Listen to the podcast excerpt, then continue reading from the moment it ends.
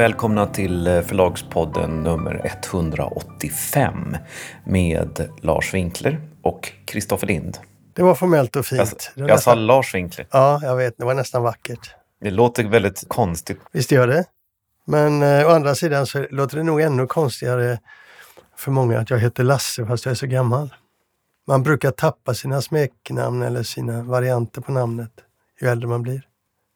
Ja, det är sant. Man, det finns vissa smeknamn som man kan ha hela livet. Vad har du? Nej, jag vill inte berätta om. Jag, jag har, nej, men det jag hade också när jag var liten hade jag smeknamn, och så här, men det är nästan ingen som kallar mig för längre. man kanske ska lansera ett då. då. Men vi skiter Ja. i det nu. Vi kör igång. Ja. Du, den stora snackisen i branschen den här veckan. Utan konkurrens. Vilken är det? Ja, det är ju det som vi har pratat om tidigare och som man nu hoppades skulle få ett, liksom en slutgiltig sluttermen. Uppdrag gransknings granskning av Salomonsson Agency. Mm. Det som man kan mäta besvikelsen i branschen, den är väldigt stor. Och det är för att eh, Uppdrag granskning ställer in sin eh, sändning utav eh, granskningen av Niklas Salomonsson. Officiellt så har man satt den på paus med motivering att man citat måste kunna garantera alla deltagare i granskningen ett tillräckligt skydd vid publicering. Slutcitat. Du har pratat med dem på Uppdrag granskning, eller hur? Ja, och det här är vad man officiellt säger. Man är väldigt, väldigt tysta och allt uttalande om den här inställda sändningen ska gå genom ansvarig chef, Axel Björklund. Och detta är vad man säger officiellt. Men eftersom frågan sprider sig som en löpeld i bokbranschen så finns det läckor och de läckorna ger oss en del att arbeta med. Mm. Jag har hört några läckor. Vad säger dina? Nej, du får börja. Jag har rätt mycket att säga men jag tänkte du får börja. Min läcka säger att eh, den officiella versionen är att eh, de har blivit hotade om att det ska bli en stämning, om en förtalsstämning. Och I samband med en sådan förtalsrättegång så skulle det kallas en massa vittnen och man skulle då indirekt röja en del källor. Och då så hävdar man att det vill man inte göra, så för att skydda källorna så vänd- väljer man att inte, inte sända. Jag har också förstått det som att man hade tänkt att göra en helt anonymiserad sändning, alltså inte nämna agenten vid namn. Och jag får känslan av att källorna är anonyma, vilket ju är problematiskt såklart. Men eh, jag kan ändå tycka att det är väldigt konstigt att man lägger 18 månader på en sån här sak och så många miljoner som de måste ha lagt ner på det här. Och sen så först i ett sånt sent skede så kommer man på att det här inte går att sända. Jag har också hört att man har haft timslånga diskussioner om mediaetik under arbetets gång. Och det är också ganska oroväckande att höra. Det tycker inte jag då. Alltså det tyder ju på svårigheten att i det här fallet komma åt källor som kan berätta det man är ute efter. Man har ett antal frågor man vill ha svar på. Man har ett antal händelser som man vill eh, beskriva. Hur eh, Salomons Agency jobbar och vad som har hänt. Det vet ju jag eftersom jag har varit i rättegång mot med Niklas Salomonsson i en tryckfrihetsrättegång redan och vet vilken strategi de använder då. Och den vann jag ju då, va? det vill säga han kunde inte få mig fälld. Vet jag också hur svårt det är att få människor att berätta vad som hände, eller om det hade hänt något. När man är journalist då så är det här en fråga som man vill nästan ha både hängsle och livrem på om man ska gå ut. Om det har existerat så vill man verkligen kunna belägga det så att det inte kan ifrågasättas. Men jag tror inte vi ska ifrågasätta kvaliteten eller vad de har gjort eller inte gjort på Uppdrag granskning. Det kan man bara göra när de har sänt. Men själva, och det, det vet jag då eftersom jag har frågat, de anser att de har ett väldigt bra kvalitet på det materialet de har. Om det stämmer eller ej, det vet jag inte. Men jag skulle vilja ta en annan sida av den här frågan. För det är så att Niklas Holmos advokat då, som är intressant och het, han heter Jonas Eriksson och han är från Jens Lapidus gamla advokatbyrå, Försvarsadvokaterna. Lapidus. Lapidus ja. Niklas Holmssons advokat har meddelat att om SVT stämmer eller sänder så kommer man att stämma SVT på väldigt stora belopp. Och man kommer att kalla anställda på Niklas Holmssons agentur plus andra människor. Vad jag har förstått är, markerar man då att om det är så att bland dem finns någon man misstänker som uppgiftslämnare så, så kommer man att ställa frågor med syfte att ringa in källor och outa dem. Det gör man ju inte uh, så att det syns, men det är ju effekten och det är den som svensk television är rädda för. Va? Jag såg ju detta i min rättegång där de var beredda att gå väldigt långt, advokaterna, och de ville tvinga fram namnet på en agent, en underagent, bara för att få mitt vittne att bli tyst. Istället blir det en cirkus. Mitt vittne blev så förbannad så, och fick då höra av, av domaren att om hen inte talar om, svarar på frågan vem den här agenten var, mm. vilket ju skulle ha skadat Niklas. Mm. Så jag fattade ingenting, men det var ju för att hota vittnet då. Och vittnet vägrade och då sa domaren om du inte gör det kan du eh, åtalas för trots. Kom igen då, sa han bara. och till slut så insåg ju Niklas Salomonssons advokater att de kunde inte driva detta för det skulle se väldigt illa ut offentligt. Så frågan drogs tillbaka så det blev inget. Men, men jag har sett detta hända. Om den här officiella versionen stämmer så är det ändå ganska tragiskt för då, då, betyder det att har man tillräckligt mycket pengar, är tillräckligt aggressiv och har råd att anlita tillräckligt dyra advokater så kan inte Uppdrag granskning granska. Nej, det är det man ser här just nu att det är, som jag tycker, det är en attack på källskyddet som inte går att försvara. Och vi har inte sett det tidigare så tydligt. Men har man pengar och villiga advokater så bryter man en gräns. Och då kan man alltså stoppa granskningen av makten om en viktig information i de här sändningarna kommer från anonyma källor. Samtidigt ska man ha klart för sig att om man utsätts för en sån granskning med anonyma källor så är det svårt att försvara sig.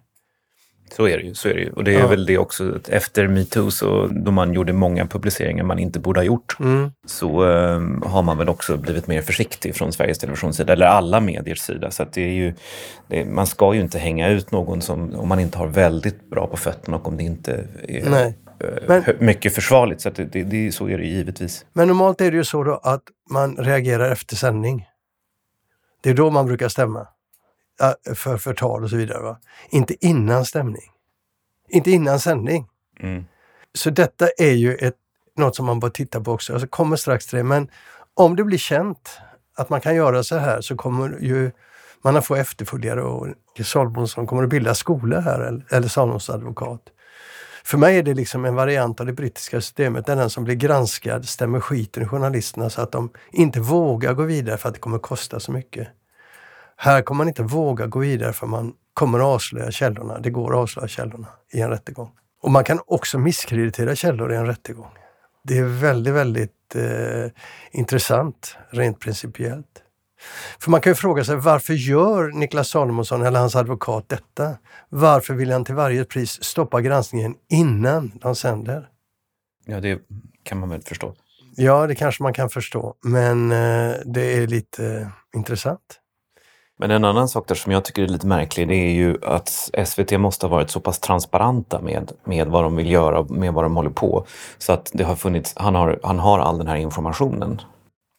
Ja, så kan det ju vara, men jag, jag har jobbat i den här organisationen, Uppdrag granskning, men då heter den annat, under långa perioder.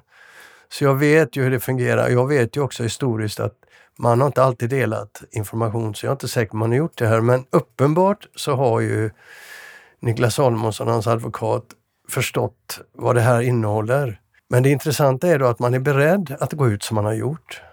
Och vad får det för effekt? Jo, man jagar rädsla i de som deltar i det här programmet. Och man vill få dem att förstå att de inte ska uttala sig. För vad händer annars? Jo, de kan ju få sparken och de kan bli väldigt misskrediterade i en rättegång. Och det är klart att det skrämmer folk, och i synnerhet om det är folk inne i organisationen som har pratat. Du sa att man kan göra så här om man är rik, har mycket pengar och har en villig advokat. Tycker du att det här är ett fall som Johan Eriksson inte borde tagit? Det är ju en sak att försvara någon i en rättegång, någon som har blivit anklagad eller någonting för något. Men det här är ju att, att skrämma journalister till tystnad. Jag vet inte om jag håller med där. Alltså, jag tycker inte om det här, men det betyder inte att... Det är inte, det är inte olagligt. Och det är inte så lagen ska fungera.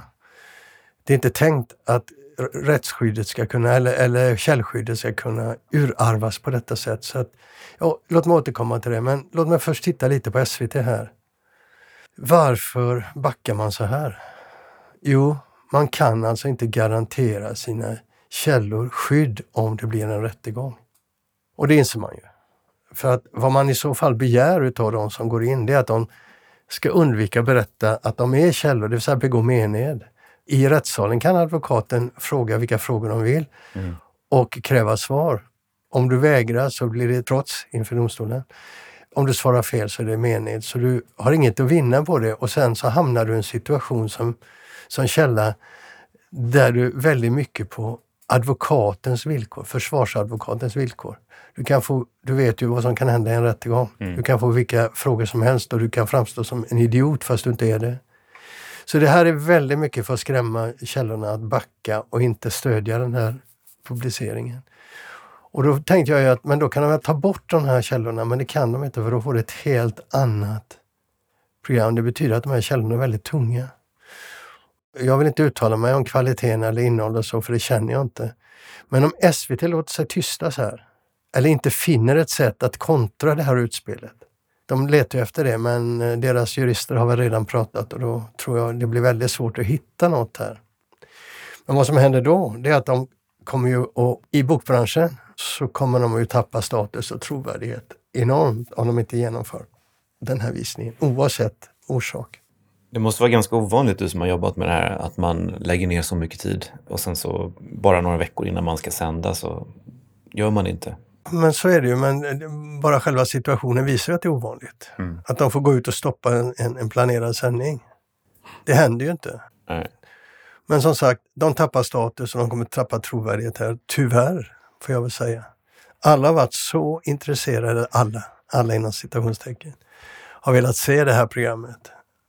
Och väldigt många i bokbranschen har ju varit källor, öppna källor till eh, mm. SVTs Uppdrag granskning. Det finns ju hur många intervjuer som helst med folk i branschen runt den här frågan. Men det som jag tycker är värre här, det är att journalistiken blir ett offer. Mm. För att om den här strategin stoppar SVT, då vet ju makthavare vad de ska göra nästa gång de blir utsatta för någonting, att de hotar med det ena och det andra. Och de hotar också att avslöja källor och att kalfatra programmet, alltså gå igenom programmet på sina villkor i, i en rättegång.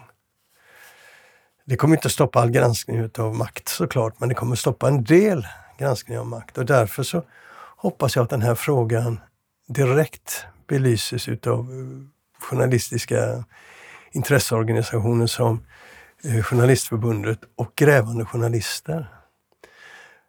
Ja, men här tar jag i så jag spricker. Skulle gärna vilja se att om den stoppas, att ett antal journalister går samman, till exempel i grävande journalister från flera redaktioner och bestämmer sig för att se till att frågan inte tystas utan att om någon hotar med en sån strategi så gör vi en dubbelt så djup granskning från så många håll och plockar upp ännu mer saker.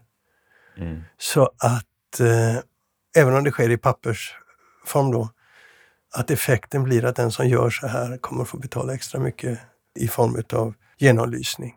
Exempel finns. Jag kommer ihåg hur, hur jag gick med i Internationella grävande journalisters organisation, där man i USA, i en liten stad, eller det kanske var Phoenix eller något sånt där, där journalisten granskade den lokala makten och mördades och då samlades, det var så grävande journalister startade i USA, då samlades runt en väldigt stark journalist, en grupp journalister, en hel redaktion som bestämde sig för att blottlägga den här makthavaren, den här mördaren och sprängde hela, hela det nätverket. Det blev en framgång för, för det som idag är Investigative Reporters and Editors. Och senast, helt nyligen, gjorde man samma sak i Mexiko där en av journalisterna mördades efter att ha granskat eh, en del utav makten. Mm. Och då gick man ihop och, och etablerade istället en helt annan plattform. Det skulle jag vilja se. Det finns väl också exempel på när tidningar har gått tillsammans och publicerar samma text samtidigt just för att den är så känslig. Ja, så är det ju.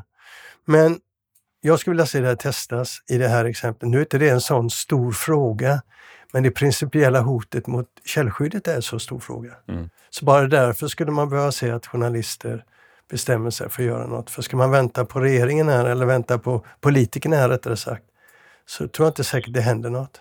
Det är ju särskilt också delikat att den här granskningen då faller på källskyddet när det är en agent som representerar författare som ju står för det, för det fria ordet. Ja, alltså det, hade jag varit författare där så hade jag funderat, vänta lite nu, varför slå ihjäl en mygga med en stor slägga? Eller varför göra detta? Finns det något där då, tänker man ju. Finns det någonting i den här historien som är värt att tysta på det här sättet? Ja. Det blir mycket intressant att se vad de författarna som ligger på den här agenturen drar för slutsatser. För det är ju inte bara så att man har hotat SVT och stoppat programmet. Man har gått in i sin egen organisation och markerat att är ni källor till information här, vad som händer här, ska ni passa er väldigt noga. Det här kommer ju att leda till att de här källorna blir rädda, men det kommer också att leda till att informationen det handlar om, den kommer ju att komma ut. Det kommer inte stanna här. För det är inte så att folk enbart blir rädda, de blir också förbannade. Varför är folk så rädda? Det kan du väl tänka om du hotas med att dras in i en rättegång och du har varit en källa. Så är det klart att du inte får kvar, kvar din anställning och så. Nej. Det är klart att du blir av med den. Och så. Det... Men det här var stökigt i alla fall och det kommer att bli ännu stökigare tror jag. Ja, det blir spännande. Vi följer det på första parkett. Eller något liknande. Ja, jag vill gärna se programmet och hoppas att det är välgjort och eh, korrekt gjort så att säga. Va? Nej, men jag är nyfiken också och både du och jag är ju med som öppna källor. Det är vi. Vi har berättat våra historier, men bara våra historier. Ja, vi har bara berättat om sånt vi har varit med om. Mm. Ska vi släppa det där? Yes.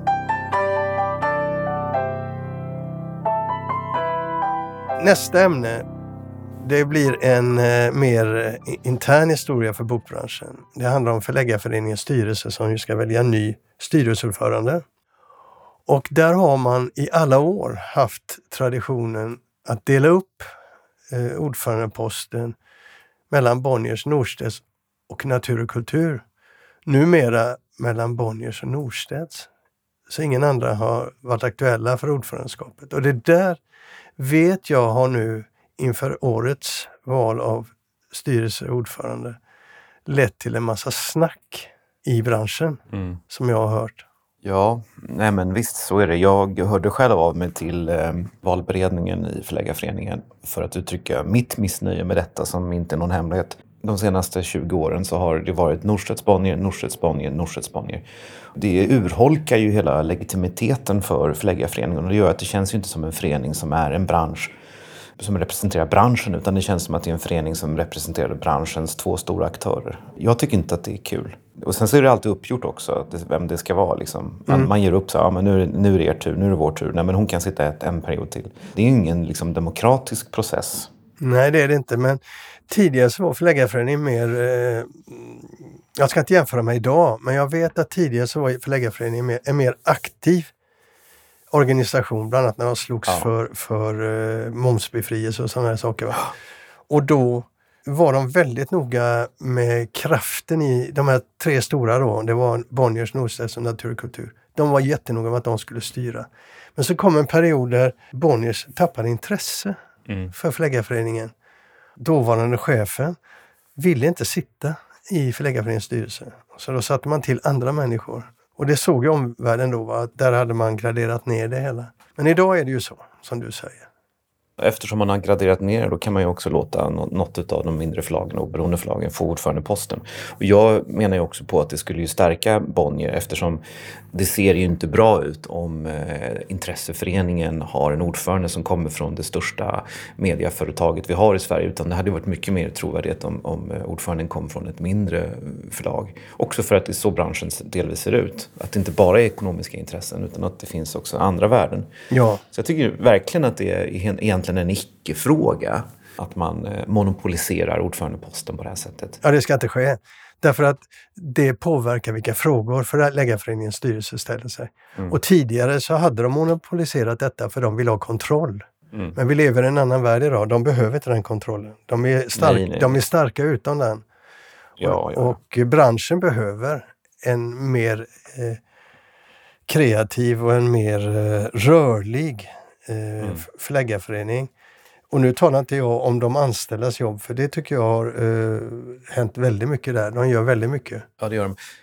Men du vet, de brukar alltid motivera det här med att det finns ju inga som är lämpliga. Det finns ju så få kandidater som är tillgängliga och framförallt eh, så är det så få kandidater som klarar av detta ansvarsfulla och viktiga uppdrag. Och det är ju bara en strunt. Jag har nu en lista på kandidater. Som du tänker ge oss? Lansera. Okej, okay. mm. och vilka har du då? Jo, högst upp på min lista, den person som jag vet skulle göra det här jättebra. Det finns bara en negativ sak med honom och det är att han har tackat nej, för jag har nämligen frågat honom. Mm -hmm. Och det är Erik Osvalds. Erik Osvalds är, det var han som grundade Historiska Media som han sedan har sålt till Bonnier. Mm. Han var en av grundarna? Han var en av grundarna och Erik Osvalds är en otroligt eh, allmänt omtyckt person. Han är vänlig och trevlig och han är något av en tänkare och en filosof. Så det skulle vara en väldigt bra ordförande. Och i och med att han har lämnat förlaget så har han ju också en, lite mer tid kanske. Han vill lägga den på annat har han sagt. Men jag tror lite övertalning kanske han kan, kan vara. Det är min kandidat nummer ett. Sen har jag ett antal kandidater till. Vill du höra dem också? Mm, såklart. Eva Bonnier var, har ju varit eh, ordförande och sen så var Eva Gedin ordförande. Och nu tycker jag då att Ann-Marie Skarp skulle kunna bli ordförande. Och Ann-Marie Skarp hon har ju varit en av grundarna av Piratflaget och innan dess jobbade hon på Norstedts. Det finns ju säkert få personer som har en sån lång branscherfarenhet som Ann-Marie Skarp. Hon är helt annorlunda än vad Erik Osvalds är. Men hon är lite känd, hon har varit med På spåret, hon är gift med Jan Guillou. Hon skulle bli en utmärkt representant för branschen i tv-soffor. Hon skulle kunna kommentera bokrean och läsning och såna saker. Lite celebritets-touch eh, eh till, till ordförandeskapet. Och sen har jag några bubblare en bubblare är Tobias Nilsén som eh, grundat förlaget Volante och som också har varit eh, särskild utredare med uppdrag att lämna förslag till en eh, samlad nationell strategi för att främja utvecklingen av de kulturella och kreativa branscherna i landet. Han är väldigt omvärldsintresserad, väldigt bra på det sättet. Ja, jag har några till, men jag kan stoppa där. Det finns jättemånga bra kandidater. Mm -hmm. Alla de tre skulle, tror jag skulle enkelt klara uppgiften och, ja, tror jag också. Och, och, vitalisera. Jag säger ingenting till någon som sitter idag mer än att jag tycker inte de ska ha den möjligheten att bestämma vem som ska sitta där och styra Förläggarföreningens arbete. Nej. Så vi är överens där du och jag. Mm. Men det är för sent i år då. Tydligen, fast jag, alltså, det var för sent för valberedningen att lägga fram ett annat förslag men eh, de har ju rätt på stämman att, att ta ett annat förslag än valberedningens. Det måste ju inte vara det som valberedningen har lagt fram. Ja, men de... du kommer ju gå dit den 4 maj och då kommer nej, du... Jag kommer, nej, det är den 5 maj och jag kommer inte gå dit för jag, har, jag ska äta middag med två författare som har inbokat sedan tidigare. Men, men eh, det finns ju andra som går dit och som kan, som kan eh, rösta. Men, men det har ju också varit så att det är alltid uppgjort hur man ska rösta. Och de stora förlagen har fler röster och sådär. Det är... Ja, man röstar aldrig emot eh, det förslag som eh, Bonnier redan har bestämt att valberedningen ska lägga fram. Ja, nu kan du vara kaxig, men du kommer inte gå dit. Du ska äta middag. Jag hör. Mm. Ja, men det är ju för att jag, det är, det är för att jag tycker inte att det är vitalt. Ja, okej. Okay. Vi släpper. Jag känner inte att det är en förening för, för mig, eller för alla. Okej. Okay. Det där lär vi återkomma till för att mm. eh, frågan är intressant. Den kommer mm. att, jag tror att den kommer att växa, den eh, diskussionen.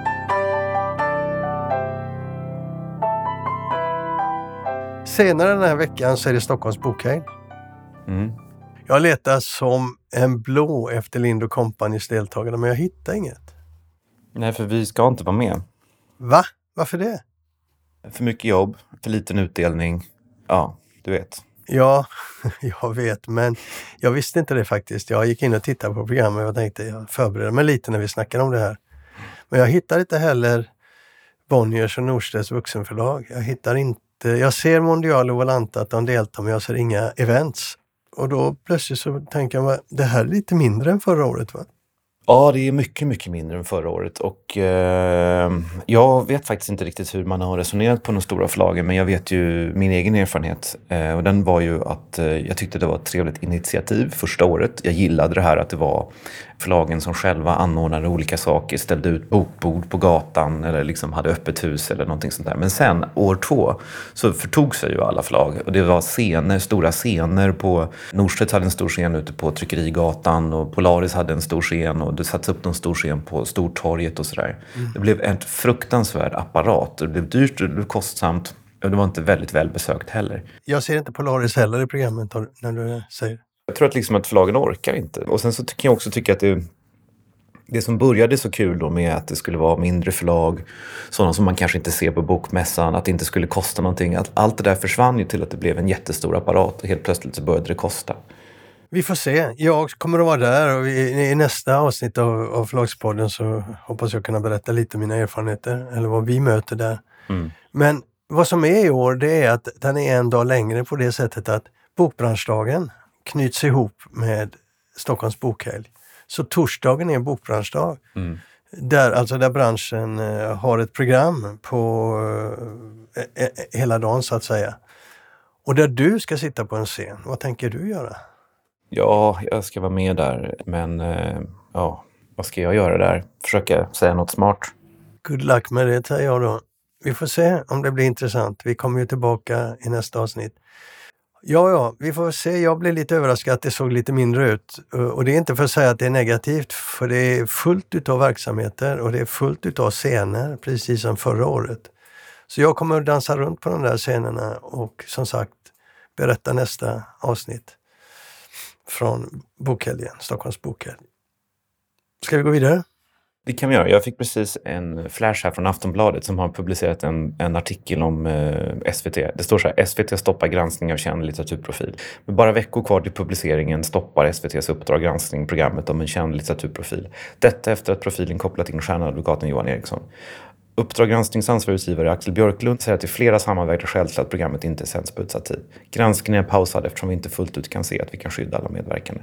Redan före publiceringen var det en av Uppdrag gransknings mest omtalade granskningar om en makthavare i litterära Sverige. I en nyligen publicerad artikel i tidningen Vi beskrivs den kommande granskningen potential att kunna skaka om den svenska litteraturbranschen och att den omfattar flera av Sveriges största författare. Avsnittet skulle enligt uppgift Aftonbladet sändas före sommaren. Med bara veckor kvar till publiceringen stoppades SVTs Uppdrag granskning. Till sin hjälp för att påverka SVT har profilen anlitat advokat Johan Eriksson, som flera år utnämnts till Sveriges bästa advokat. I ett, dokument, I ett dokument med 75 punkter försöker Johan Eriksson bland annat misskreditera en av reporterna som gör granskningen. Uppdrag gransknings ansvarig utgivare Axel Björklund är noga med att granskningen inte har stoppats och säger att det finns flera bidragande händelser som pausat. Frågan är om vi måste ta om någonting här nu. Det behöver vi kanske inte. Nej, jag tycker inte det.